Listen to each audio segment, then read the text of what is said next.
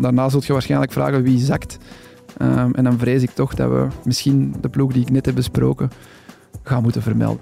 Ik ben voetbaljournalist Janko Beekman en deze week blik ik met collega Koen Frans vooruit op het nieuwe seizoen in de Jupiler Pro League. In aflevering 3 fileren we de degradatiestrijd in 1A en de titelstrijd in 1B. Welkom bij de voetbalpodcast van het Nieuwsblad. Welkom bij Shotcast. Kuipers met de kans en mooi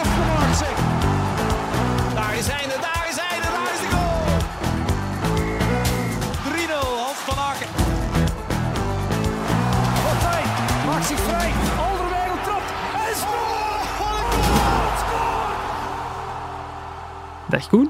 Dag Janko. We zitten hier uh, nog altijd uh, voor ons derde deel van onze grote voorbeschouwing. We hebben al de titelstrijd en de belangrijkste outsiders besproken. In aflevering, aflevering 3, beter, komen we pas echt op uw terrein. Hoezo? We gaan het over de degradatiestrijd en 1B hebben. Jij bent de afgelopen jaren Beerschot-Watcher geweest, dus dat zijn de regionen waar dat jij vaak in vertoefd hebt. Tegen wil en dank. In die regionen vertoefd. ja, ja, ja, ik denk ook voor uh, Beerschot en zijn supporters, voor alle duidelijkheid. Uh, voor we de voornaamste titel- en degradatiekandidaten gaan bespreken, misschien kort nog eens het uh, competitieformat toelichten en dan vooral hoeveel ploegen er zakken uit 1A dit seizoen? Minstens twee. Minstens dus er is twee. een relegation playoff. Ploegen 13, 14, 15 en 16 spelen tegen elkaar. Uh, nog een play-off, zes speeldagen, hè, zoals eigenlijk vroeger Mhm. play-off 1 was, met vier teams. De winnaar van de relegation playoffs blijft in 1A. Dat is Ja. de ploeg die eigenlijk dertiende eindigt. De veertiende die speelt tegen de winnaar van de ehm, barrages in 1B. Mensen gaan echt een PowerPoint nodig hebben om Ze biedt meer daarover. En de laatste twee van de relegation playoffs in 1A zakken rechtstreeks. Oké. Dus als je na de, de relegation playoffs of laatste of voorlaatste staat, dan zakt je rechtstreeks. Dan vanuit 1B, Challenger Pro League, sorry moeten we eigenlijk zeggen, dat is volgend jaar ook met 16 ploegen. De eerste twee stijgen rechtstreeks, dus die pakken die plek in van die twee die ook rechtstreeks zakken. En dan van plek 3 tot 6 uh, speelt je kruisfinales, heen en terug. Dus dat wil zeggen, de derde speelt tegen de zesde en de vierde tegen de vijfde. Komt ook één winnaar uit. En die speelt dan tegen die uh, derde laatste van de relegation playoffs voor het laatste ticket in 1A, zeg maar. Dus er kunnen er drie uh, zakken en drie stijgen. Uh, het kunnen er ook twee zijn. Enfin, het zijn er minstens twee, misschien drie. Als jij het nog snapt, is het voor mij helemaal ja, oké. Okay. Ik heb nog een kleine toevoeging. Oh, oh, oh. Als er een belofteploeg uh, in de Challenger Pro League in die top 6 eindigt, ja? dan kan ook de zevende en de achtste, want die kunnen uh, wel degraderen naar het amateurniveau, Ja. maar die kunnen niet promoveren naar eerste klasse. Dus die vallen dan weg. En dan pakt de zevende, hypothetisch, Club Next eindigt vierde, die doen niet mee aan die play-offs, aan die barrages. De zevende pakt dan die plek in. Zeg, en stel nu dat Club Next promo zou promoveren en Club Brugge zou zakken. Nee, het kan niet. Dat kan ook niet nee, meer. je hè? kunt niet promoveren naar het hoogste niveau als belofte. Er zal nooit een belofteploeg Oké. in de Jupiler Pro League spelen. Dat kan niet. dat moesten we weten gewoon. Oké. Goed, merci Koen. Dat was het dan. Nee, dat is niet waar. dan kunnen we er nu echt aan beginnen. Uh, ik heb deze keer drie ploegen voorbereid. Jij twee. In, Dank je wel uh, daarvoor. Nee, nee, jij bedankt om hier te zijn. dus ik stel voor dat ik uh, de spits afbijt en ik ga dat deze keer doen in de Oostkantons, in Eupen dus. Um, ik zal om te beginnen de transfers overlopen. Bij Eupen eerste uitgaande. Dat zijn er wel wat. Um, wie is er allemaal weg? Smile Preveljak, einde contract, is naar Hertha Berlijn. Davo, een Spaanse linksbuiten. Ik had er eigenlijk nog niet van gehoord. Ik zag die ook passeren in de WhatsApp-groep Ja. dat jij weg was. Ik had echt zoiets, wie is dat? Wordt verhuurd, verhuurd uh, aan Deportivo La Coruña. Stef Peter, smaakmaker bij Eupen, die zit nog altijd zonder club, want die zijn contract is ook afgelopen. Vandaag, hè, op 19 juli. Op hè. 19 juli zit hij nog zonder club. Uh, Lorenzo Offerman, uh, jonge Belgische spits, uh, die zijn contract is ook afgelopen. Loïc Bessilé is terug naar Charleroi. JD Gassama terug naar Paris Saint-Germain.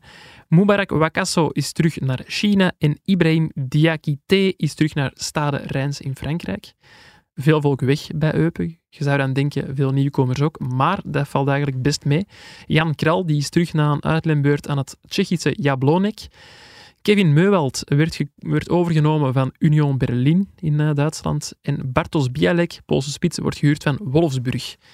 Um, ja, ik denk dat het grootste probleem voor Eupen zal worden dat uh, Stef Peters en Smail Preveljak zijn, uh, weg zijn. Waren toch uh, ja, jongens die de voorbije jaren, Preveljak vorig jaar iets minder, maar toch een garantie op doelpunten waren. Een koffie en drie zou ook nog vertrekken. Conan een 3, Conan, die wordt inderdaad op 19 juli genoemd bij, bij OHL voornamelijk. Bij Gent is zijn naam ook al gevallen, maar voorlopig lijkt uh, OHL toch de beste papieren te hebben.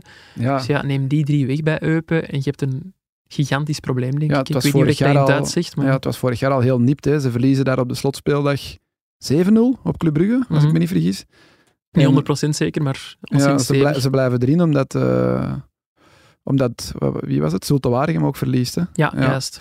Ehm, dus ja, eh, is ik reken niet- die vrij zeker bij die laatste vier. Tenzij die nog op een of andere miraculeuze wijze een zak geld uit Qatar gaan krijgen. Ja, de kraan wordt steeds meer toegedraaid, heb ik Ja, het gevoel. Hè. Dat ziet je ook dat aan WK de geweest is, contracten zijn afgelopen en niet verlengd. nee, de zware contracten zijn eruit.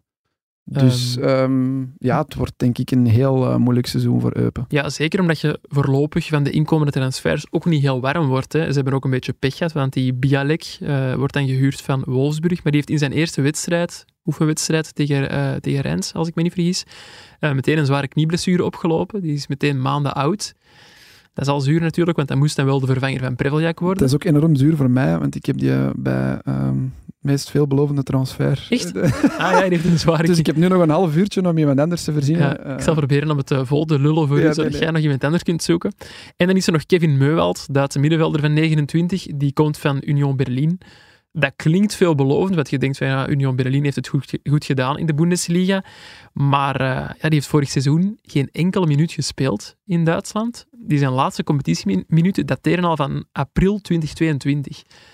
Dus ja, dat eer dat die terug op niveau is en zo, dat zal toch ook even duren. Dus eh, ja, ik koester niet al te veel hoop voor Eupen. Sorry Nee. voor de luisteraars in de Oostkantons. Nee, we hebben hier al een paar ploegen een grijze muis genoemd, maar ja, dit, dit wordt gewoon ja, bijna een sereinverhaal. Als, Ja. je het, als je het nu zo, Zo, Stef bekijkt. Peters en, en Smile Preveljak waren nog redenen om af en toe naar, naar Eupen te kijken, maar die zijn ondertussen ook weg. Ja. Quizvraagje trouwens, Koen. Eh, wie wordt er trainer van Eupen dit seizoen? Weet je dat? Ik heb het gelezen, maar ik ben het alweer vergeten. Ja, ik, dat is alle, alles, eh, allerminst een, eh, een poging om u te, te veroordelen of eh, in een slecht daglicht te plaatsen. Nee, ik wist het zelf ook niet meer. Ik voel me wel heel slecht. Ik ben het eh, ook moeten gaan opzoeken. Eh, het is Florian Kofeld, een, eh, een Duitse trainer. En, en niet de minste, is coach geweest bij Werder Bremen en ook bij Wolfsburg. Daar werd hij zelfs de opvolger van Mark van Bommel, die daar toen vertrokken is. Die vinden altijd wel straffe trainers, vind ik. Ja, Doop Makelele heeft daar gezeten. hè. dat is Dus- waar. Ja, ja. Nee, maar die Kofeld is in Duitsland toch geen, geen kleine naam. Dus die gaat hij erin houden. Die gaat Eupen erin houden. Dat durf ik niet te beweren. Maar toch straf dat ze zo iemand eh, nog weten te overtuigen voor het project. Het project in Eupen. Eupen, dat mij totaal ontgaat op dit moment waar het project daar is. Ehm, maar we moeten die mens ja, Een eerlijke kans een geven. eerlijke kans geven. Dat gaan we doen. Genoeg over Eupen, van eh, de ene Duitse trainer naar de andere, naar het eh Sint-Truiden van Torsten Fink. Torsten Fink, nieuwe trainer bij STVV. Ik zal ook even snel eerst de transfers overlopen. Fink heeft een eh, oude bekende van hem uit Letland meegenomen. Oh. Eh Joselfo Barnes. Ah, kijk, ja, ik- Die kende niet of wel? Jawel, ik, ik Ah. ben de man die het transferoverzicht van het nieuws al bijhoudt. Dus ik Ah, ja. eh, had die naam al zien passeren. 21 jaar, een spits, komt van Riga. En die heeft, ja, Torsten Fink heeft ook bij Riga gezeten. Dus die kent die. Heeft vorig jaar zeven keer gescoord in de Letse eerste klasse. Komt Ook dat jeugd- kunnen wij niet zeggen. Ik Komt uit, nee, dat kunnen wij absoluut niet zeggen. Komt uit de jeugd van Schalke trouwens.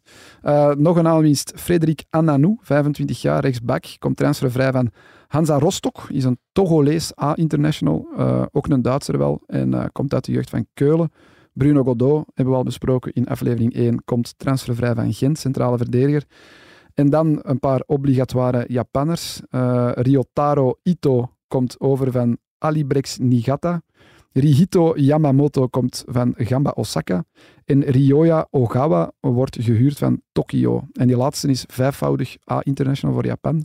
Maar zat vorig jaar op de bank bij Guimarães in, of Guimarães Ja, dat is Eh, juist er volgens mij. in Portugal.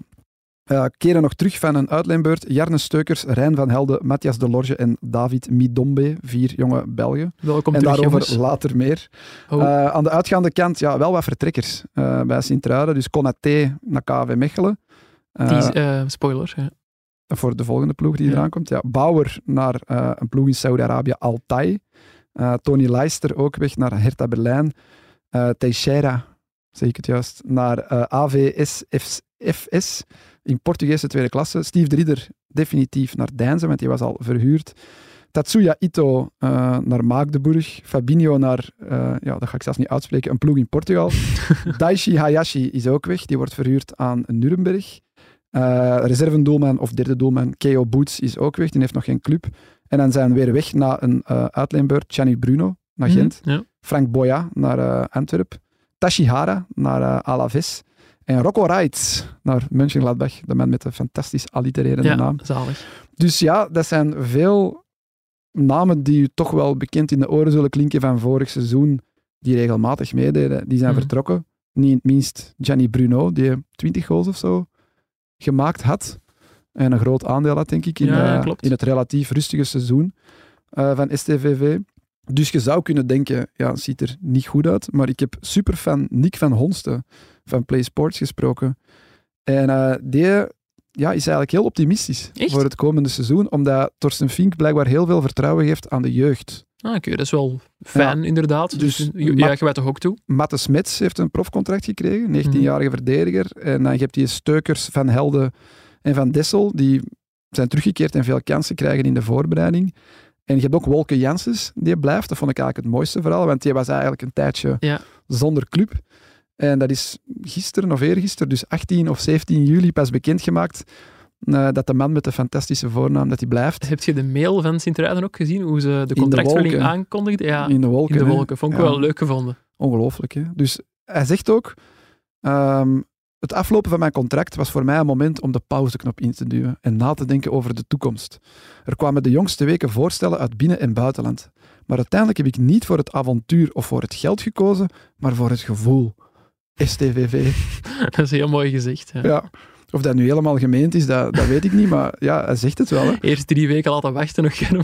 Ja, kijk, maar hij blijft. Hè. Dus ja, Wolken Janssens en Sint-Truiden, iedereen in de wolken met wolken. En ze bestaan ook volgend jaar 100 jaar, Oh. STVV.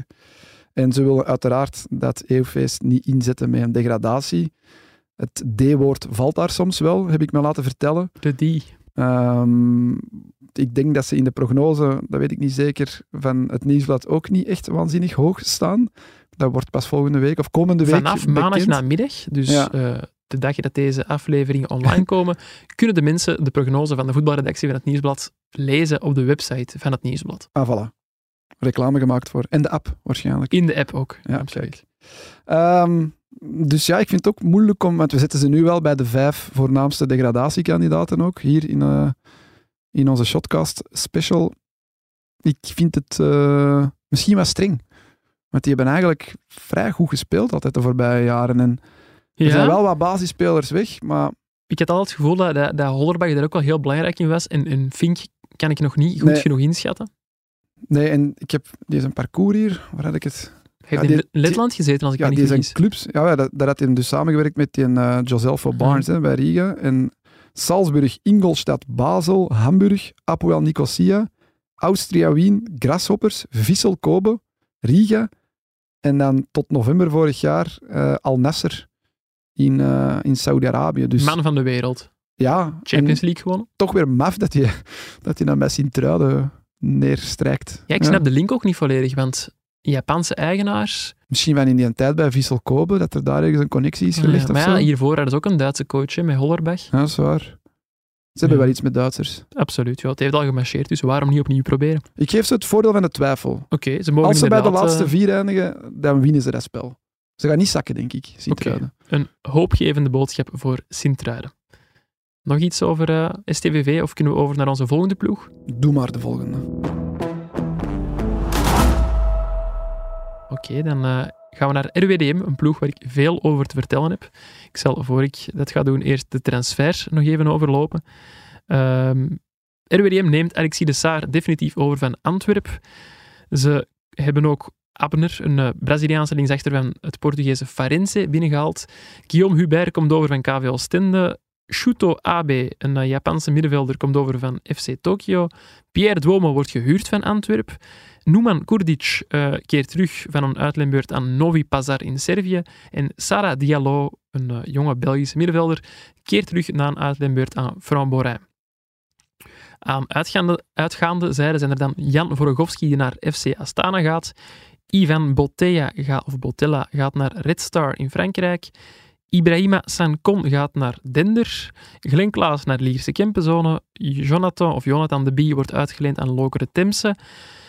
En dan is er nog Youssef Chalouk, die terugkeert naar KV Kortrijk. Was nogthans een van de smaakmakers bij RWDM, dus die uh, gaan ze zeker missen. En dan zijn er nog een hele hoop uh, Brazilianen die terugkeren naar Botafogo. Die ga ik niet allemaal nee. uh, overlopen. De Braziliaan Camilo keert terug naar Lyon. Uh, die heeft wel veel gespeeld. Ja, Jake O'Brien keert terug naar uh, Crystal Palace. Dat was een andere zusterclub beste vorig jaar. Ja. van RWDM. Obi Oulare keert terug naar FC Barnsley. Uh, al gaat hij ondertussen naar Lierse Kimpenzone, ja, als ik me niet vergis. En dan is er nog Nico Hamalainen, die keert terug naar QPR. En dan heb ik ze ongeveer allemaal gehad bij RWDM. Het is een, uh, een lange lijst, moet ik wel zeggen. Uh, de meest opvallende inkomertransfers voor mij zijn die van Pierre Duomo en Guillaume Hubert. Dat zijn uh, twee oude bekenden van de nieuwe CEO, Gauthier Ganet. Hubert die werd nogthans bij Oostende aan de kant geschoven onder het uh, bewind van Ganet. Dus toch straf dat ze die dan nu bij RWDM opnieuw binnenhalen. En Duomo die wordt gehuurd van Antwerp, uh, ondanks het feit dat hij bij Braga en um, ook bij Oostende zich nooit heeft kunnen doorzetten eigenlijk. Ik heb onze RWDM-watcher Michael Del Beke ook eens gevraagd wat voor indruk Duomo gaf in zijn eerste weken. En hij zei dat hij heel nederig overkomt. in zijn eerste interview ook echt voetjes op de grond, geen grootspraak. Dus dat is alvast hoopgevend. Uh, Mikey, zo, zoals we Michael ook wel eens noemen, heeft mij nog een paar leuke dingen verteld over uh, RWDM en onder meer over eigenaar John Dexter. Want hij is ook eigenaar van uh, Botafogo, ploeg die daar net al passeerde. En hij vertelde onder meer dat er blijkbaar een serieuze vriendschapsband is ontstaan tussen de fans van RWDM en Botafogo. En dat er, op, dat er blijkbaar een Twitter-chat bestaat met heel veel Belgen en ook een paar Brazilianen in die zich het lot van RWDM nogal aantrekken. En dat er nu Belgen zijn die plots in het Portugees beginnen te tweeten over Botafogo en Brazilianen die in het Nederlands tweeten over RWDM. Levert uh, blijkbaar leuke tafereelen op, vertelde Mikey. Die matchen vorig jaar in, in Challenger Pro League mm -hmm. werden ook uh, op de Braziliaanse tv, of toch alleszins online gestreamd met Portugees commentaar, ah, Braziliaans commentaar. Ah, ja, ja, met best veel kijkers zelfs. Doordat er zoveel Brazilianen speelden natuurlijk en zo. Ja, ja, dat, die, dat die supporters van Botafogo toch konden zien hoe het uh, hun huurlingen in, in, uh, in Europa verging. Maar zoals ik daarnet zei, de meeste van die mannen zaten wel vaak op de bank. Ja. Vincent Vraar was niet echt gediend met, met de hele die- nee, nee. Brazilianen. Sommigen waren wel echt nuttig en hadden eh, meer dan een meerwaarde. Blijkbaar ook een deel dat achter de rug van Julien Gorius, de toenmalige sportief directeur, is Daar is gehaald. een beetje beginnen misgaan ook. Hè. Ja. Eh, twee kampen bij die club. Eh, maar dat hebben we hier vorig jaar toen Ja. al besproken toen ze kampioen werden. En voorlopig gebeurt er ook niet echt veel. hè. Ik bedoel, Vraar zit daar nog. Eh, die Ndaï is wel aan de kant geschoven. Ja, dat is de, de voorzitter die daar aan de die kant is geschoven. Maar die zijn zoon, Nico, speelt wel nog altijd voor RWDM. Ja, dus, Onder het bewind van Textor, de man die zijn, zijn vader dan, of is het een onkel? Dat zou ik nu even moeten opzoeken. dus dat- die zijn Eh. net kampioen gespeeld. Dat moet daar ook, hè, een beetje zoals in de eerste aflevering dat we zeiden bij Antwerpen, dat moet daar allemaal Hosanna zijn. Die komen na zoveel jaren miserie terug naar de eerste klasse. En je hebt toch ook het gevoel dat die daar met, met zo het idee komen van, ja, wat gaat dit allemaal geven? En er gebeurt niks, er is zo wat openlijke ruzies, de voorzitter tegen de eigenaar. Ja, ik, ik- ja dat wordt een heel eh, interessante club om te volgen, denk ik, dit seizoen. Ik moet me trouwens verbeteren. ehm Dai is wel degelijk de zoon van ex-voorzitter Thierry Dai, maar hij heet niet Nico, maar Niclo. Niclo. Ja. Een, een, eh een Ongebruikelijke voornaam. Ja, dat heb jij gezegd goed. ja. Thierry was dronken toen hij zijn zoon moest gaan aangeven. Over eh, de laatste transfer van RWDM heb ik nog iets te vertellen. Dat is de Braziliaanse rechtsachter Abner. Die heeft nog in de jeugd van Real Madrid gespeeld. Werd daar zelfs even de nieuwe Marcelo genoemd. Is toch een eh, mooie vergelijking. Heeft wel al drie keer zijn kruisband gescheurd. Dus eh, al wel wat pech gehad in zijn eh, carrière. Heeft zelfs even overwogen om te stoppen met voetballen daardoor. Maar Zinedine Zidane heeft hem toen overtuigd om toch maar verder te doen. Als Zinedine Zidane u iets vraagt, dan, Dan doe je doet dat hij dat, gewoon. ja. Dat zouden wij ook doen. Ik heb nog een paar linken met Real Madrid en RWDM. Want ja, er is even gesproken over een transfer van Eden Hazard, gezien de aanwezigheid van zijn broer Kilian bij RWDM. Ehm, ja, de kans dat Eden effectief nog komt, lijkt mij eh, vrij klein. Maar, zo vertelde Mikey mij ook, eh, zitten bepaalde spelers uit de kleedkamer van Real Madrid wel in een eh, online spel, Stumble Guys, samen met spelers van RWDM. Door de band tussen de broers Hazard. Dus hebben die op dat spel een groep aangemaakt waar, ehm, Ja, die spelers samen uh, actief zijn. We moeten het dan zien, zit daar dan Tony Kroos met de Saar? Ah wel, hij heeft mij het voorbeeld gegeven. Gilles Ruijsen, die ondertussen naar Dender is, ja. uh, speelde geregeld samen met Vinicius Junior. Allee. ja, zaal. Ik heb uh, Gilles Ruijsen al een brief gestuurd. Dat is vakkundig genegeerd. Dus bij deze een oproep als uh, Gilles zou luisteren om mijn WhatsAppje alsnog te beantwoorden. En is dat? Stumble Guys. Ik ken het zelf niet. Ik ben het gaan opzoeken. Ik begreep het ook niet allemaal. Dus als mensen daar meer uitleg uh, over kunnen geven, is die welkom op nieuwsblad at, nee, shotcast.nieuwsblad.be. Dan heb ik nog een laatste link uh, wow, met RWDM Real Madrid. krijgt veel aandacht. Ja, maar die, die link uh, met Real Madrid is er ook door, uh, door het feit dat 50 jaar geleden vond de fusie van, uh, van RWDM plaats. Uh, en toen werd er op 22 augustus 1973 een oefenwedstrijd tegen Real Madrid gespeeld om dat te vieren. Dat was toen het Real van Del Bosque en Netzer onder meer. Voor de iets oudere luisteraars lijkt Ja. me nog wel een, uh, Fijn. een leuk weetje. Ik denk dat dat wel genoeg RWDM was. Hè? Wauw. Maar ik denk dat we... Iets zegt me dat we daar nog veel over gaan praten dit. Superboeiende ploeg, hè? Maar die gaan wel mee van onder. Ik denk dat elke RWDM-supporter uh, zich daar ook wel ja, van bewust is dat het... Ja, ik verwacht Dat geen Union... Allee, zal dat zal extra gevoelig liggen eh, bij RWDM, maar ik verwacht geen Union-verhaal en een ploeg die meteen nee. mee gaat doen voor de prijzen of voor Nee, eh, want ik zag dat dat een van de vragen was op Twitter. Verwachten jullie van RWDM wat er ook met Union en Westerlo uh, de voorbije twee seizoenen is gebeurd? Het antwoord is daar heel stellig nee. Voilà, bij deze. nee, dat verwachten we niet. Goed. Het is terug aan u, Koen. Kortrijk, KV Kortrijk. Toch ook wel een ploeg, club, uh, in problemen. Uh, ja, overgenomen en dan weer niet overgenomen. Ah wel, dat is denk ik het belangrijkste dat we over KV Kortrijk kunnen vertellen. Dat vroeg ook luisteraar Rob Bakeland zich af. Komt het nog goed met KV Kortrijk? En daar heb ik het over gehad met Elian Koesement, onze KV Kortrijk-watcher. Dag Elian. Dag Janko. Het is uw uh, tweede seizoen als KV Kortrijk-watcher voor het Nieuwsblad. En ik mag wel zeggen dat het voor u al een, een vrij hectische zomer is geweest, denk ik. Ja, zeker. Na het seizoen van KV Kortrijk is het wel heel hectisch geweest met de mogelijke overname van KV Kortrijk die er eerst had aan te komen en dan uiteindelijk niet is doorgaan. Een paar weken geleden eigenlijk is afgesprongen door, door de Kaminski-groep, inderdaad, ja. Ja, dus je zegt van uh, overname is afgesprongen. Die mensen zijn zelfs voorgesteld in het Guldensporenstadion. Ja. Wat is er dan precies misgelopen? Ja, dat klopt. Die mensen zijn eigenlijk ja, twee minuten voor de pers verschenen. Nog misschien tien minuten op het veld geposeerd voor een aantal foto's en zij dan meteen doorgereden. En een paar dagen later zaten ze opnieuw in Griekenland. Um, ze hadden eigenlijk een akkoord gevonden met Vincent Tan, de, huidige en nog, de vorige eigenaar en nog steeds de huidige eigenaar van KV Kortrijk. Ze hadden een akkoord gevonden, maar uiteindelijk is het er niet doorgekomen.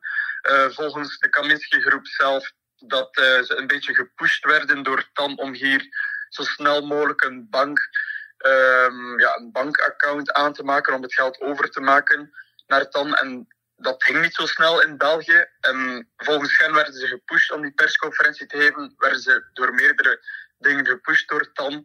Maar uiteindelijk, ja, als je ziet dat ze het bij Everton niet konden, bij Atletico Madrid en nu in Griekenland ook niet gaan kunnen, ja, dan kun je er wel vragen bij stellen, inderdaad. Ja, je hebt die mensen ook gezien tijdens die ja, vrij korte persvoorstelling. Wat voor indruk maakten ze toen op u?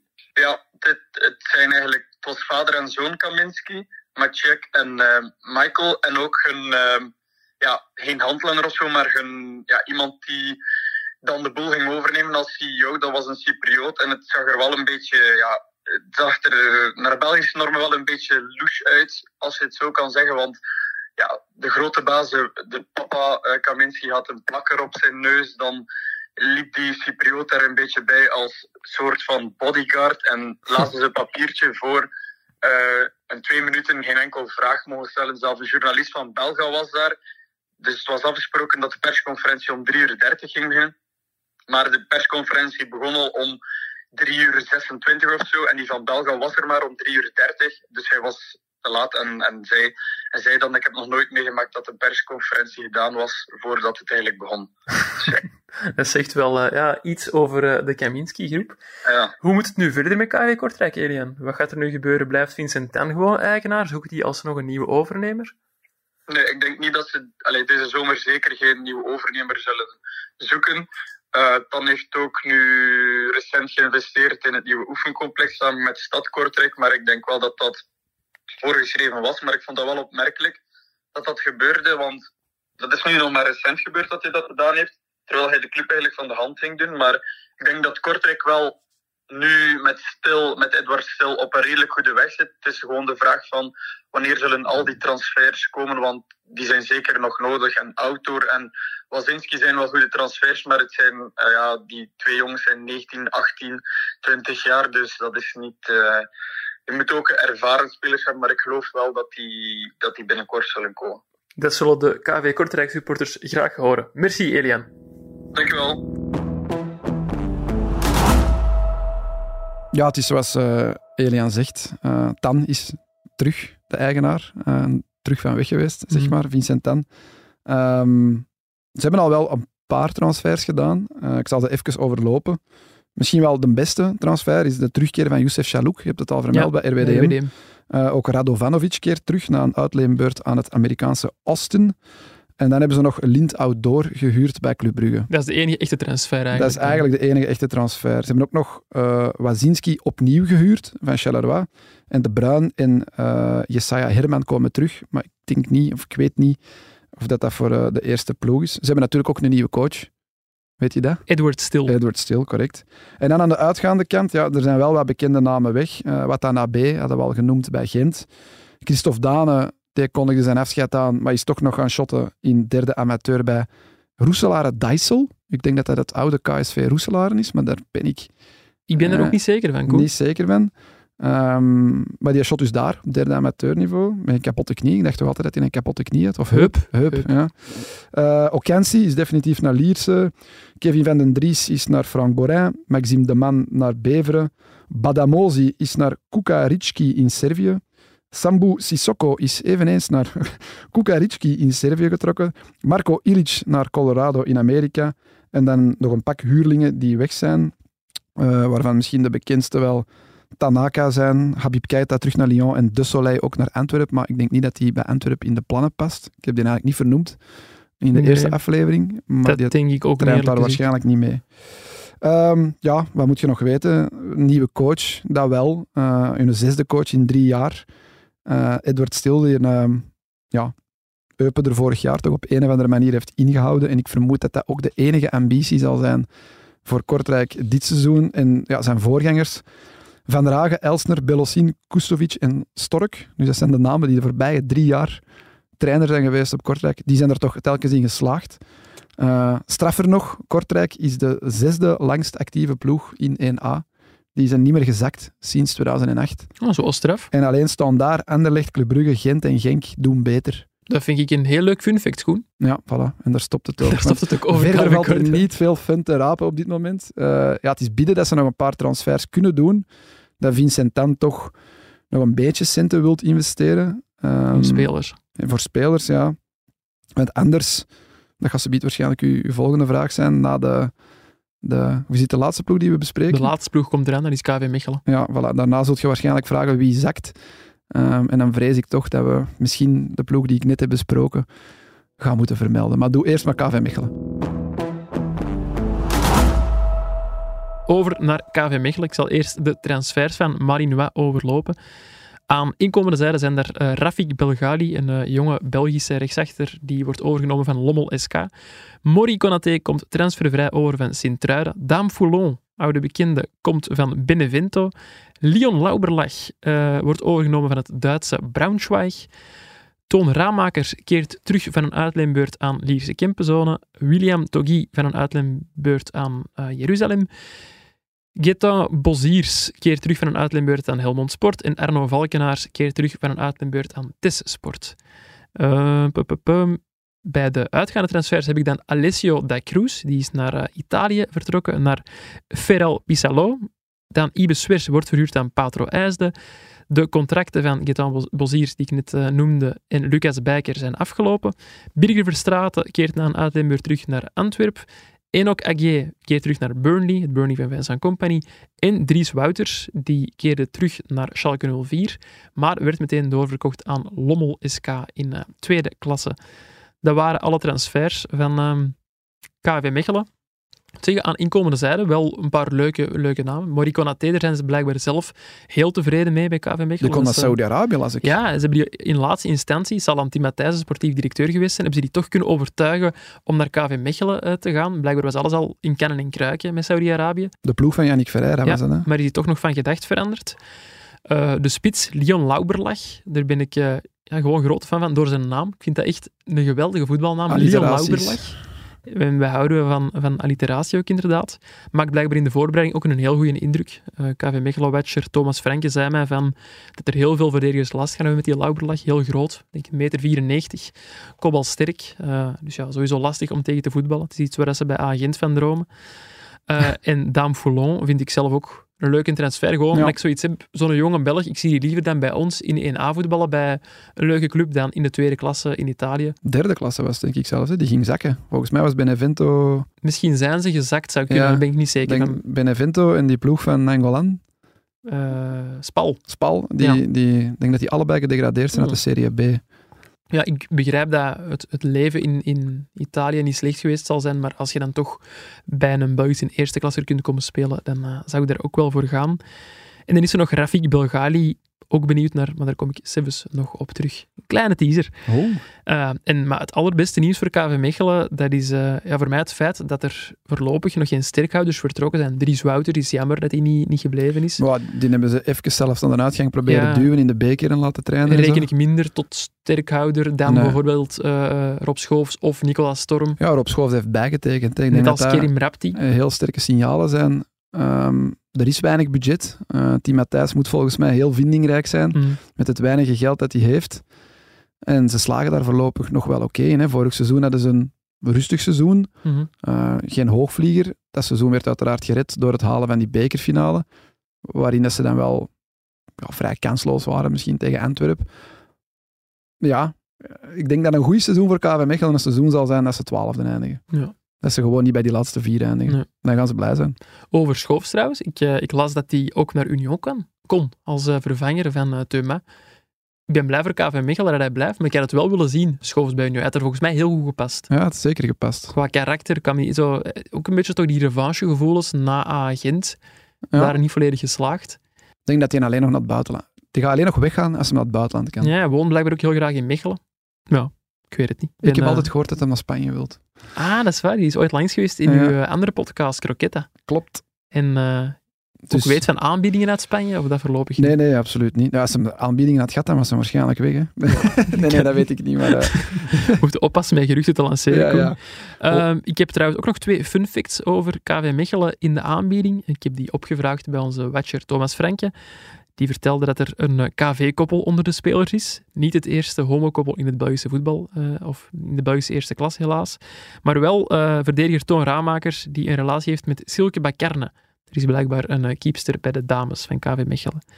Tweede fun fact is de golfoorlog die bij eh, KV Mechelen aan het ontstaan is.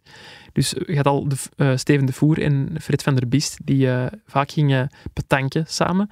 Maar dat niet alleen, ze zijn ondertussen ook aan het padellen met Gunther van Handenhoven en physical coach Thibaut Meijer. En daarnaast zijn ze ook fan van golf. En die, die microbe is ook overgeslagen op de spelers, want daar is doelman uh, Getaan Koeken een fervent golfer tegenwoordig.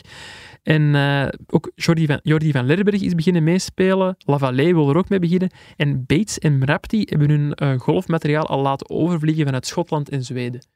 Okay. Dus dat, uh, ja, als het in het voetbal niet zou lukken voor de spelers van KV Mechelen, kunnen ze die op het, uh, op het golven gooien.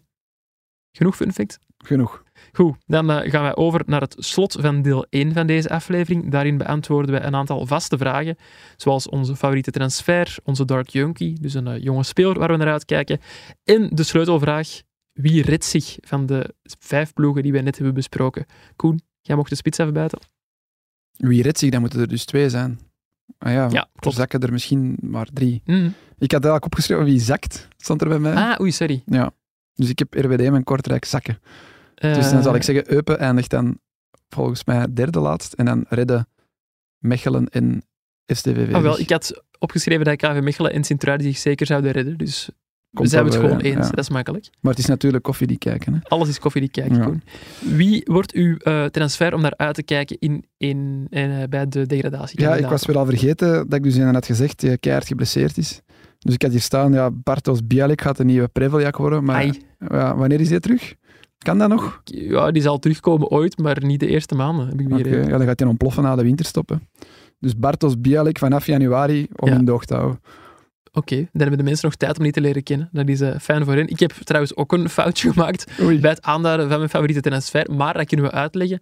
Er was een beetje verwarring over de positie van eh OHL in onze voorbeschouwing. Die hebben bij mij een tijdje bij de degradatiekandidaten gestaan, bij u bij de kandidaten voor een play-off 1-ticket.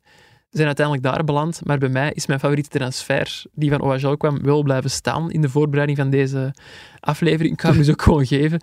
Dat is eh, Ezekiel Banzuzi van, eh, van OHL. Die eh, werd weggehaald bij NAC Breda.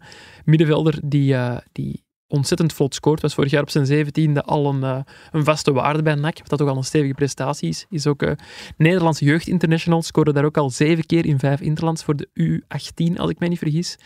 En eh, ja, gezien... Ja, ik zie die echt wel, eh, wel doorbreken. Ik heb ook al wat eh, spelers gehoord van, van OHL die zeggen, die is wel vrij goed op training. Ja? Dat is En echt wel een aanwinst. zijn fysiek ook wel eh, Ja. een stevige beer, denk ik, 1,91 meter. 91. Dus eh, daar gaan veel Belgische Die gaat middenvelders de eerste weken toch meer opvallen, denk ik, dan Bartos Bialik. Wellicht. Ja. Dat denk ik ook, Koen. Heb jij ook een Dark Jonkie voor mij? Ja. Is dat wel een jongen die de mensen de komende drie maanden aan denk het het werk wel. kunnen zien? Ik denk dat hem echt gaat spelen. Ik heb me laten overhalen door eh STVV-superfan eh, Nick van Onsten om hier Matte Smits Oh, leuke naam. te vermelden. Hè. Dus die, die jongen tekende een profcontract, heeft vorig jaar al match of 14 eh, mogen proeven van eerste klasse, 19 jaar. En ehm, hij zegt, als die, Nick van Honsen dus, Hm. als Matte Smits een half seizoen onbetwist titularis is bij STVV, dan gaan we die niet kunnen houden. Oeh, Ja, dus een 19-jarige Belg, centrale verdediger, waar dat, eh, de STVV-fans veel van verwachten. Dus ik ga die gewoon hier droppen. En u hoorde het hier eerst, dat Matte Smits een potentiële rode duivel is. ik kijk er eh, nu al naar uit. ik hoop dat ik nog beter kan doen met mijn Dark Jonkie. Het is ook een eh, jonge Belg, ik heb hem daarnet al genoemd. Dat is Rafik Belgali. Zijn naam zegt het eigenlijk al, dat het een, een Belg is. Het is wel een Belg met Algerijnse roots. Rechtsachter die... wie, wie ging die nu weer halen? KV Mechelen ging Ja, halen bij Lommel, Lommel. SK. En die was daar vorig seizoen als rechtsback toch goed voor zes goals en drie assists. Dat zijn toch wel eh In de. Challenger Pro League. En niet Ik vergeten, niet tellen. ja. Lommel speelde de, niet de Champions Playoffs, maar de playoffs met de zes zwakste teams vorig jaar. En daarin hebben die echt heel veel gewonnen, nog en heel veel punten gepakt. Ik weet nu niet hoeveel, hoeveel die daar gescoord Direct heeft. mijn Dark Jonkie die grond inboren Ik komt. kan Dat niet de ik grond jammer. inboren, maar ik geef gewoon enige nuance bij die cijfers. Sorry eh, Rafik, ik geloof wel vol in u. Maar ik geloof ook in hem, hè. pas op. Goed, dit was het eh, voor de degradatiekandidaten in 1A. Mensen denken nu misschien dat de aflevering erop zit, maar dat is niet waar, want wij zijn Shotcast en wij bespreken in deze grote voorbeschouwing ook de belangrijkste titelkandidaten in 1B.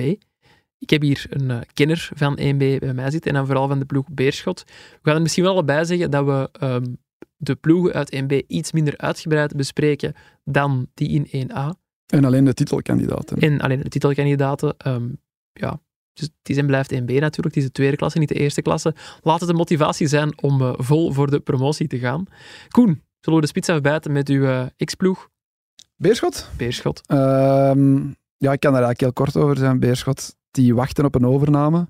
En totdat de club niet wordt overgenomen, eh, is er eigenlijk geen transferbudget. Oei. Dus ze kunnen net ze kunnen een nieuwe speler binnenhalen als ze een andere laten gaan. Dus dat is ook wat er nu aan het gebeuren is. Ze hebben een paar sterkhouders laten gaan. Jan van den Berg is weg. eh Sebawi. Thibaut Baten? Dus ik wou zeggen, Sebawi was geen sterkhouder vorig jaar, maar had in eerste klasse wel zijn talent al getoond. Die is ook weg. Eh Thibaut Baten. En nu staat Nok Vitorisson ook nog op het punt te vertrekken. Eh, ik vermoed tegen dat deze podcast online staat, is die weg. Dat is maandag, ja. Ja. Ehm, dus ja, vrij veel basisspelers die vertrekken. En vorig seizoen hadden ze eigenlijk al geen ploeg die meedeed voor de titel.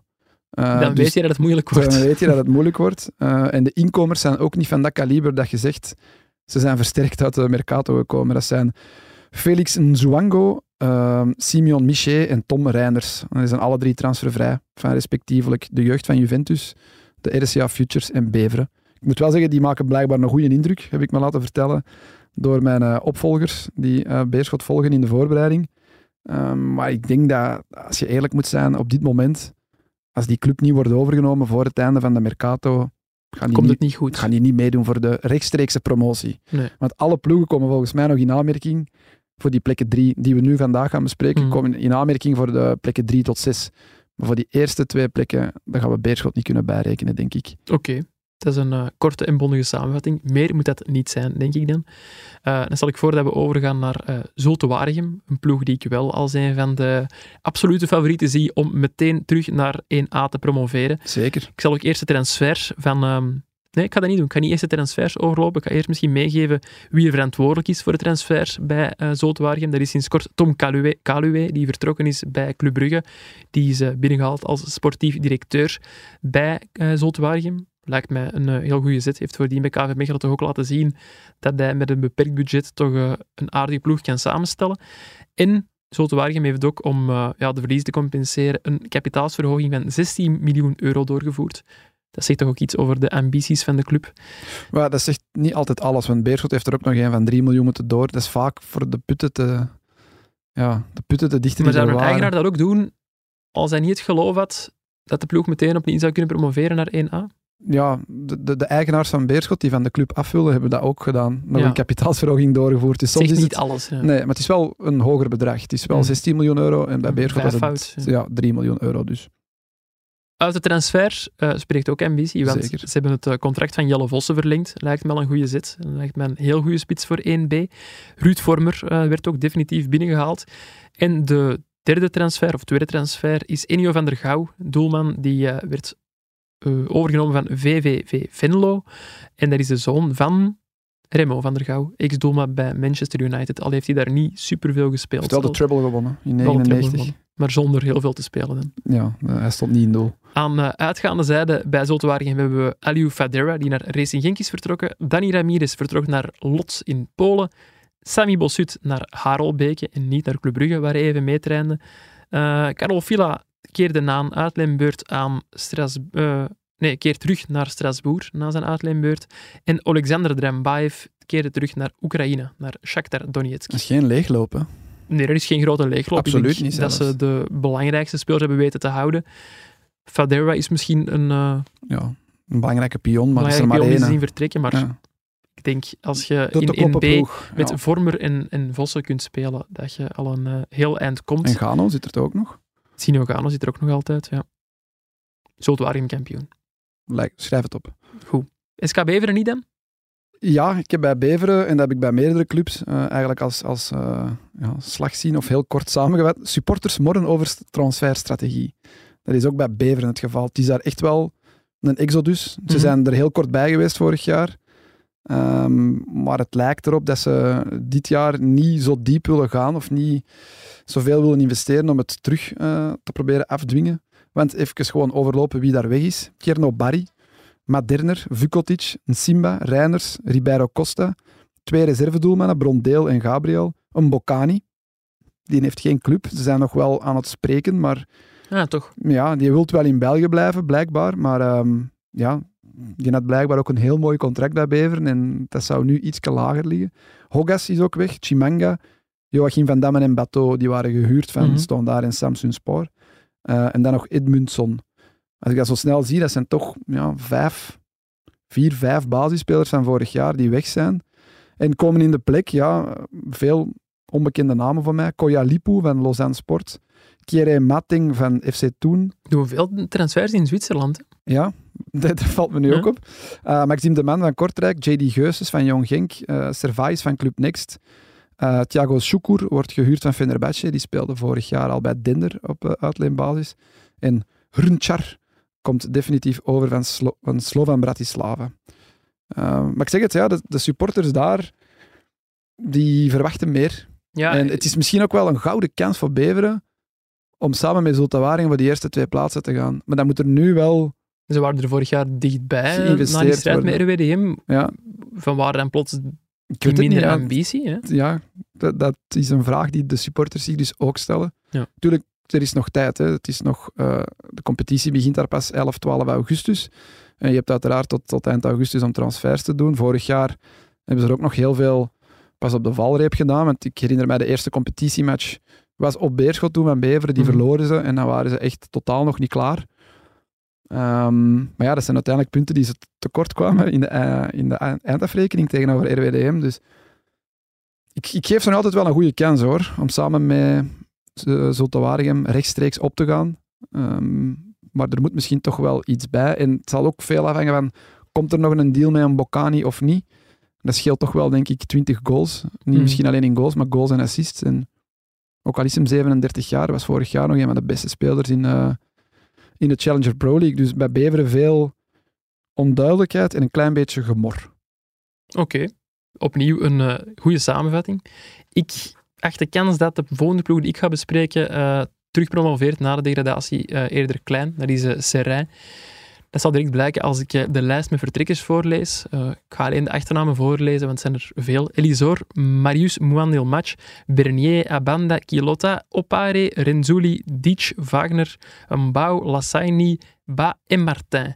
En daarbij vallen vooral uh, ja, Marius Mouandil Match, Bernier en uh, Guillaume Ditch op. Ja, voor zover ik heb gevolgd, zijn dat vijf of zes basisspelers. ja. ja. En vooral ja, de jongens die in de plaats zijn gekomen, dat zijn allerminst uh, grote namen of, ja. of ervaren spelers. Ze huren drie uh, jonkies van Mes opnieuw. Dat zijn uh, Rayo, Kebe en Souma Abad. Ja, de kans dat dat plots de, de grote sterren gaan worden, lijkt me eerder klein. Ik heb nog nooit op, op profiniveau gespeeld. Dus ik zie het voorlopig maar somber in voor Serrain, wat toch jammer is. Hadden de voorbije jaar toch leuke voetballers met onder meer Ma Mazis en met uh, Miko Tadze. Ja, ik moet wel zeggen, ik vond dat wel het lelijke eentje in eerste klasse. Met ja, maar dat waren, dat waren, wel mooie voetballers nog. Ja, de voetballers waren, waren oké, okay. er hadden een paar smaakmakers. Dus en ik kwam wel graag op Serrain ook. Ja, dat iets charmant. Mm. Uh, bijna iets ja, provinciaal voetbal uh, aandoenend. Maar, je komt nergens zo dicht bij het veld als, als op Serrain. Maar echt, dat die een plaats hebben in het profvoetbal, dat, dat weet ik niet. Nee, ik zie ze niet terug promoveren, tenzij Mis op het einde van de Mercato plots wel nog een paar grote spelers uh, richting Serrain zou sturen. Maar daar heb ik voorlopig geen, geen aanwijzingen voor. Over naar twee jeugdploegen in 1B. Ja. Twee ploegen die niet zullen promoveren, maar nee. die we misschien wel even kort kunnen bespreken. Ja, ik heb hier Club Next vorig seizoen toch gedeeld derde geëindigd. Mm. Uh, heel straf. Vooral ook omdat ze doorheen het seizoen nog van trainer zijn moeten wisselen. Want na het ontslag van uh, Scott Parker schoven, schoven Nicky Haaien ja. en um, Steve Kolpaard mee met Rick de Mil naar het eerste elftal. En moesten 29-jarige Milcon Hake overnemen. Dus dat maakt het extra straf dat ze toch... Antwerpenaar? Een Antwerpenaar, niet toevallig van Groenenhoek. Dat maakt het extra straf dat ze toch derde zijn geëindigd. En Nick zegt mij dat die dit seizoen of komend seizoen zwakker gaan zijn. Nee. Um, ja, ze moeten waarschijnlijk um, wat spelers afgeven aan de eerste ploeg. Want spelers die vorig jaar zijn begonnen bij Club Next en uiteindelijk minuten hebben gekregen in het eerste elftal zijn Romeo Verment, Sion Homma, Shemsdin Talbi, Kiriani Sabbe en Jorne Spileers. En Spileers is ja, die keert niet meer terug titularis, naar denk ik. Nee. Uh, en dan zijn nog Arne Engels en Ibe Houtekiets tijdens de winterstop vertrokken naar Augsburg en staan daar. Dus ja, dat wil zeggen dat daar altijd voldoende talent uit die U18 blijft doorkomen. En Ze kopen ook af en toe wel een buitenlandse jonge speler natuurlijk. Hè? Ja, Joël Ordonez heeft daar een heel seizoen gespeeld. Dat is een Ecuadoraan, denk ik. Uh, maar volgens mij traint hij nu ook mee met de A-ploeg. Daar mag iemand mij corrigeren als dat niet klopt. Shotcast.nieuwsblad.be Dat hij doorschuift. Maar ik verwacht die wel het zijn 16 ploegen nu in, in, in de Challenger Pro League. Ik verwacht die zeker bij de eerste acht. En ik zou er niet van uh, verschieten, moesten die bij de eerste zes eindigden. Waar, waar ze dus effectief niet mogen meedoen dan voor promotie. Ja. Dat er dan de zevende, een andere club, een wel een volwaardige A-ploeg, dat die dan in de plek van Club ja. Next toch aan play-offs mogen deelnemen. Voor rechtstreekse promotie, dus die eerste twee plekken, ik denk niet dat ze daar zullen meedoen. Gezien het niveau, denk ik, hoger gaat liggen komend seizoen in de Challenger Pro League. Maar het is wel een heel leuke ploeg om te volgen. Oké. Okay. Opnieuw een uh, bondige samenvatting. Mijn uh, jeugdploeg, dat zijn de RCA Futures, die zijn vorig jaar zesde geëindigd. Ik echt de kans dat die opnieuw uh, bij de top 6 zullen zijn eerder klein, gezien ja, dat de concurrentie groter is geworden met Ja. de komst van uh, Zulte Waregem en uh, ook KW Oostende, hebben we zelfs nog gaan bespreken. Inkomende transfers heeft de, hebben de Futures niet gedaan voorlopig. Er zijn uiteraard wel uh, jonge gasten doorgeschoven vanuit de U18. Onder meer Tristan de Greef is een uh, jonge aanvallende middenvelder over wie heel veel goede dingen worden verteld uh, bij Anderlecht. Wel wat vertrekkers. Simeon Miché is naar Beerschot vertrokken. Luca Ferrara naar Hesperingen in eh, Luxemburg, Niels de Wilde naar Cercle Brugge, Arno Herses naar OHL, Wout Meesen naar FC Knokke, Ilias Takirin naar RKC Waalwijk en Theo Leoni, ja, die is doorgeschoven naar de A-ploeg van Anderlecht. En Stassin gaat ook nog vertrekken dan En waarschijnlijk. Stassin wordt nog altijd genoemd bij Westerlo, dus dat zijn wel een hoop vertrekkers. Eh, al zijn er wel een paar jongens eh, naar wie ik nog uitkijk bij die futures van Anderlecht. De Greef ten eerste, maar ook Itan Bouterra. Jongen die in de talent top 50 van het Nieuwsblad ook relatief Centrale hoog stond. verdediger, hè? Ja. Centrale verdediger. Werd ook altijd gezien als een heel groot talent, maar heeft vorig jaar een zware blessure opgelopen tijdens de winterstage op Kreta, als ik me niet vergis. Is nu nog niet volledig fit, zou dat de komende weken wel moeten worden. En ja, dat is iemand van wie ze bij Anderlecht ook wel heel veel verwachten. Eh, en daar kijk ik zelf ook wel naar uit. Maar Mooi. promoveren gaan ze niet doen. Nee, nee, maar dat zijn wel de twee belofteploegen die de andere echt het vuur aan de schenen kunnen leggen. Ja. Met alle respect ook voor Jong Genk en SL Seize. Dat was vorig jaar net iets minder. Dat was een ander niveau dan Ja. Futures en Club Next. Oké. Nog twee ploegen te gaan. Yes, Lierse. Het Belgische verhaal van Lierse. Er kwam ook een luisteraarsvraag over binnen van Thibaut. Hè. Heeft een quasi volledig Belgische ploeg, zoals Lierse, toekomst in 1B en denken jullie dat ze de stap kunnen zetten naar 1A met hun project? Nee. Langere vraag dan het antwoord. Ja, nee. Ik denk dat ze dat zelf ook beseffen. En dat de voorbije twee seizoenen dat hebben aangetoond.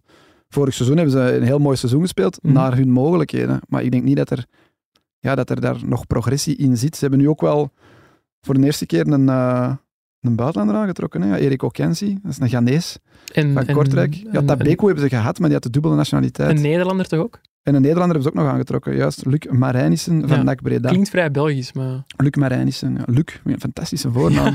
voor een gast van hoe oud is hij? ja, 21 of 20. Grappig. Ja, hoe noemen we onze zoon? Ja, we gaan hem Luc noemen. Bon, ehm, ja, ze kiezen nog altijd voor Belgisch. Hè. Dus ik zeg het vorig jaar, team Belgen en Tabeco vaak. In het begin van het seizoen nog die Rocha, maar die is dan naar Polen vertrokken. En Serge Tabeco is tussen een halve Belg, want hij heeft de nationaliteit. Het meest opvallende is misschien dat ze een nieuwe trainer hebben. Eh, Tom van Niemschoot.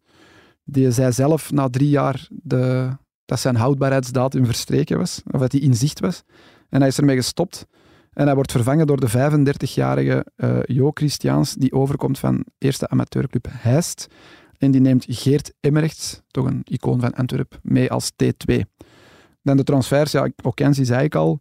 Glenn Klaas van RWDM. Foubert is een jonge Belg van Kortrijk. Luc Marijnissen van NAC. Obiulare van Barnsley. En dan Maxim Kireev, een 18-jarig voormalig jeugdproduct van Anderlecht met de dubbele nationaliteit Belg-Wit-Russisch. Aan de uitgaande zijde Pupe naar Dender, Laas naar Oostende, Pupe? Judrik Pupe. Oh, goeie naam. Ja. Belg ook. Ja. Maxime de Lange naar Cerkelen, Jens Nases naar Knokke. Oh, Die zat daar nog. Ja, die was wel vooral invaller vorig jaar. En Lucas Walbrek naar Olympique Charleroi. Dat zijn de voornaamste, want er zijn er nog, maar die zijn nog onbekender. oké. Ehm, dus Lierse top 6 moet kunnen, denk ik, zoals vorig jaar.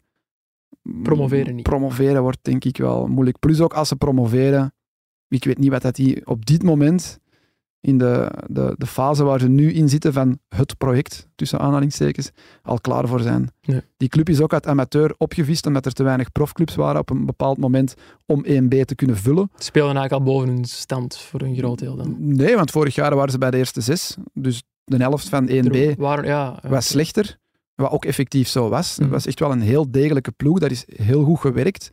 Eh, dat moet ook een toffe ploeg zijn om, om voor te spelen en voor te supporteren, net door die Belgische insteek.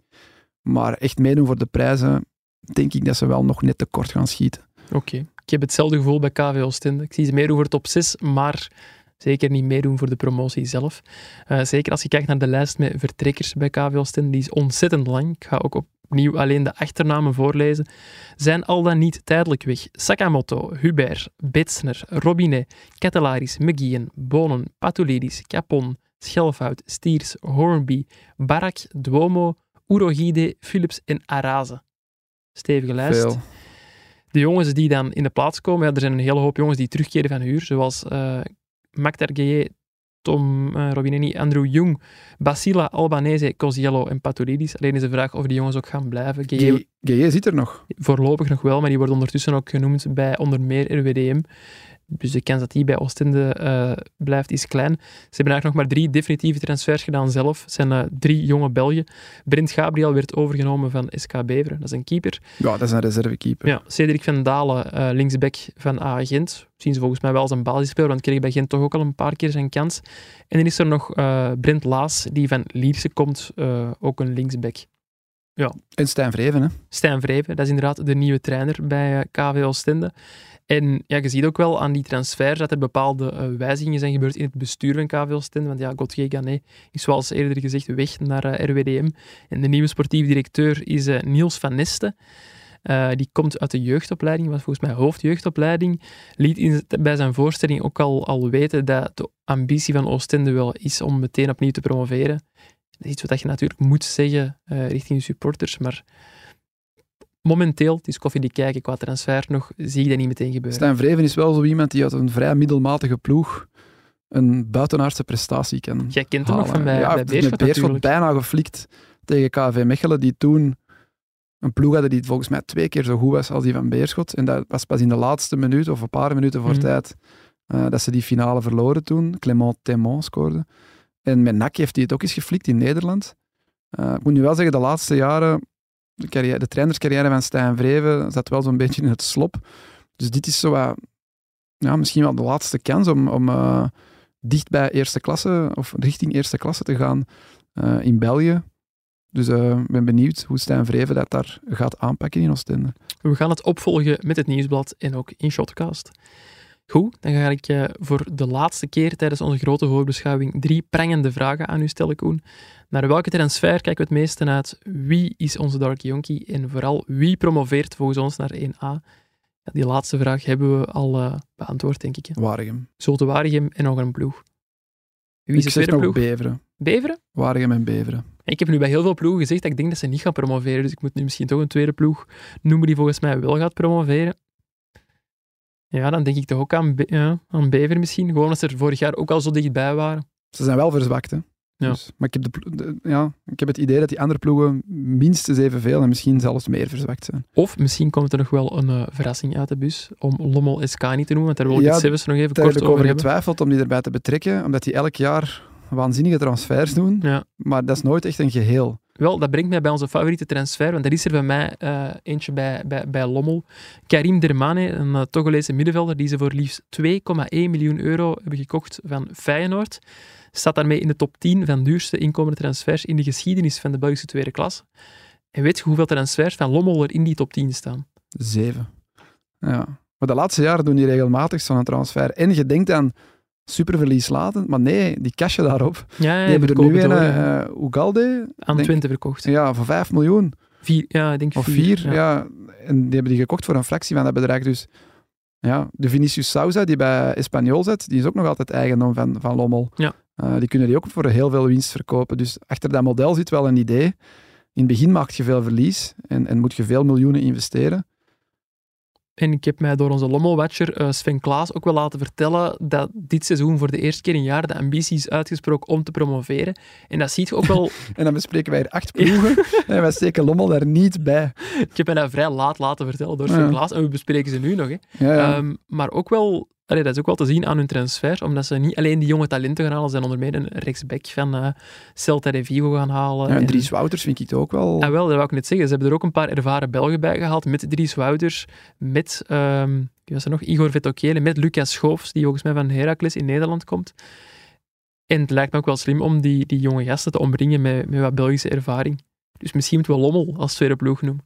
Oké. Ze zullen het bij City graag horen. Uh, wie is uw favoriete transfer, Koen? JD Geuses. Ah, leuk. Ja. Van Jong ging naar, uh, naar Bever. Ik heb die vorig jaar zien spelen en jongen heeft iets. Um, is wel al 21. Wordt denk ik in maart 22. Dus die moet zich nu wel, ja, hij gaat zich nu voor de eerste keer bij een A-ploeg moeten tonen. Um, een heel dribbelvaardige, snelle, winbare speler. Alleen zijn statistieken moeten volgens mij nog iets beter. Is afgeklokt, of heeft afgeklokt op vijf goals en twee assists. En voor een aanvallende middenvelder misschien net iets te weinig. Maar Jong Genk was vorig jaar echt een heel... Wisselvallige ploeg. Ja, heel wisselvallige ploeg. Uiteindelijk zijn die er ook maar net ingebleven. Ja. Um, dus misschien nu bij Beveren, een ploeg die toch mee van boven gaat spelen, denken we, gaat het anders zijn voor JD. Goeie naam ook. Ja, J streepje Het is geen afkorting, dat is echt zijn naam. Ja, ja. J. D. Geuses. Oké, mijn Dark Yonkie die eh, speelt bij Club Next. Allee, speelt nog niet zeker bij Club Next. Die wordt genoemd bij Club Next. Misschien tegen dat deze special uitkomt, dat, eh, dat hij al wel getekend heeft. Dat is Alejandro Granados. Dat is een jonge Spaanse middenvelder die club zou willen kopen voor eh 2 miljoen euro van het Amerikaanse Orlando City. Eh, ja, 2 miljoen voor een jongen van 17 jaar. Ongelooflijk veel geld ook. De club zou die dus eerst bij Club Next willen stallen. Het is, eh, zoals ik al zei, een centrale middenvelder. Eh, doet mij qua stijl, qua stijl, dus niet qua talent per se, een beetje denken aan, aan Gavi van Barcelona. Dus toch iemand waar Je hebt er beelden al van bekeken. ik ben beelden gaan bekijken van die heeft een, eh, een goed schot, is heel dynamisch. En fun fact over onze, onze vriend, over Alejandro. Zijn makelaar is ex-wereldkampioen met Spanje, wie is er makelaar? Ex-wereldkampioen. David Villa. Is die makelaar? Die is makelaar van eh, Alejandro Dat Granados. valt me nu tegen van David Villa. Ja, er is, niks tegen makelaars. maar- mij... Ja, ik denk dat er ook luisteraars, eh, makelaars naar onze podcast luisteren. Excuses. Sorry allemaal. Ehm, Koen, heb jij om af te sluiten ook nog een Dark Jonkie Ja, mij? ik sluit af met een van de langste en mooiste namen in de Challenger Pro League. Apostolos Constantopoulos. Beerschot? Ja. Nog altijd maar 20 jaar, dus die mag bij de Dark Yankees Zeker, zeker. worden. Ooit voor 700.000 euro gehaald, nog in de tijd van eh, Jan van Winkel, toen Beerschot nog geld kon uitgeven op de transfermarkt. Eigenlijk nooit gespeeld in de eerste klasse. Ik denk één match onder Peter Maas en dan rustig aan de kant geschoven. Eh, vorig jaar ook niet in de selectie. Heeft bij de amateurploeg van Beerschot in tweede amateur een match of tien moeten spelen. Totdat hij plots eh, zijn kans kreeg Ja. op Jong Genk. En sindsdien is hij er niet meer uitgegaan. En ik, ik zie daar wel iets in. Ehm, ik denk dat dat nu Frederik Frans is gestopt, Jan van den Berg is weg. Ik denk dat die jongen iets meer verantwoordelijkheid nog gaat krijgen. Eh, ik denk dat hij echt wel nog kan doorgroeien. Dat, dat Beerschot niet zijn eindstation is. Kunt je zijn naam drie keer na elkaar zeggen? Eh, ja, ze noemen die Tolis. Dus Tolis, ja. Tolis, Tolis. ja. Zo ken ik het ook, ja. Ja. Goed, dan heb ik al mijn vragen gesteld, Koen. Ik denk dat we rond zijn. Heb je genoten van uw eerste officiële optreden? ja, het is wel warm nu. Hè? Het is hier heel warm. We moeten ook wel zeggen, dus de- deze voorbeschouwing is in drie delen online gekomen. Wij hebben die wel in één eh trek opgenomen, met een paar korte pauzes tussen. Dus het was eh, vrij vermoeiend. Als we tegen het einde van de laatste aflevering iets trager spreken, heeft dat dus met de duur van de opname te maken. In de hitte. En de hitte. eh, we gaan hier dringend een deur openzetten, of we hebben hier zelfs nog corona of zo. Wat gaat jij deze week nog allemaal doen, Koen? Ik moet me nu spoeien, want ik moet naar het verjaardagsfeest van mijn dochter. Ehm, en verder, eh, even denken. Ja, ik, ik ga hier nu iets vertellen dat dan in het verleden gaat klinken in de- tegen dat Back de to the podcast, future. Nee, Ja. het andersom. Dus ik ben zaterdag naar eh Anderlecht Ajax en Westerlo goeie Willem match. 2 gaan kijken. Ik ga ook naar Anderlecht Ajax. Ja, ik ga twee matches zien zaterdag. Eh, dat is zo wat het meest voorname, denk ik, dat ik moet, vermelden. Goed, geniet ervan en eh, ga maar snel de verjaardag van uw dochter vieren, zou ik zeggen. We zien elkaar snel terug. Dit was het voor aflevering 3 van onze grote voor- voorbeschouwing. Merci Koen, merci Elisabeth opnieuw voor de montage. En vooral bedankt aan de mensen om te luisteren. Op de gekende kanalen vallen ook de twee andere delen van onze grote voorbeschouwing al te beluisteren. En op maandag 31 juli zijn wij er al met de eerste reguliere shotcast van dit seizoen. Tot dan!